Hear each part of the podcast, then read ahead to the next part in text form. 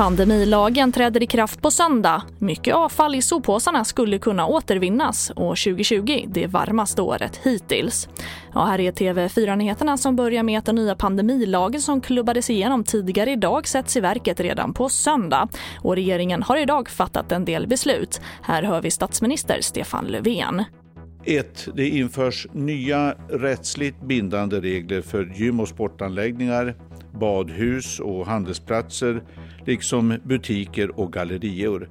Och de här reglerna de ställer upp krav för att se till att minska trängseln. 2.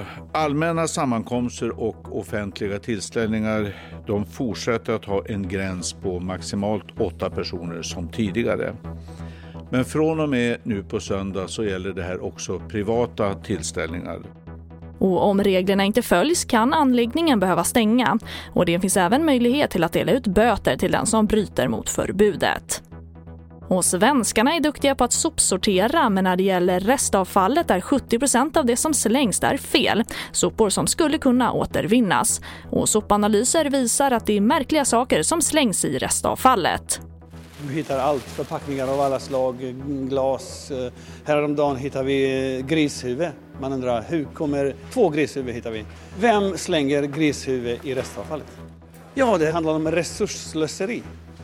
Eh, alla resurser, de är inte oändliga. Vi ska ta hand om alla resurser i landet och vi är skyldiga att göra det. Så det är bara att göra det. Och det sa Slobodan Vukosevic, vd på Envir. Och vi avslutar med att 2020 kom på delad första plats som det varmaste året hittills. 2016 var det lika varmt. Och det här enligt EUs klimatforskningscentrum Copernicus. Och det senaste decenniet har också varit det varmaste som uppmätts. Och de senaste sex åren de varmaste som registrerats. Och det var TV4 Nyheterna. Jag heter Charlotte Hemgren.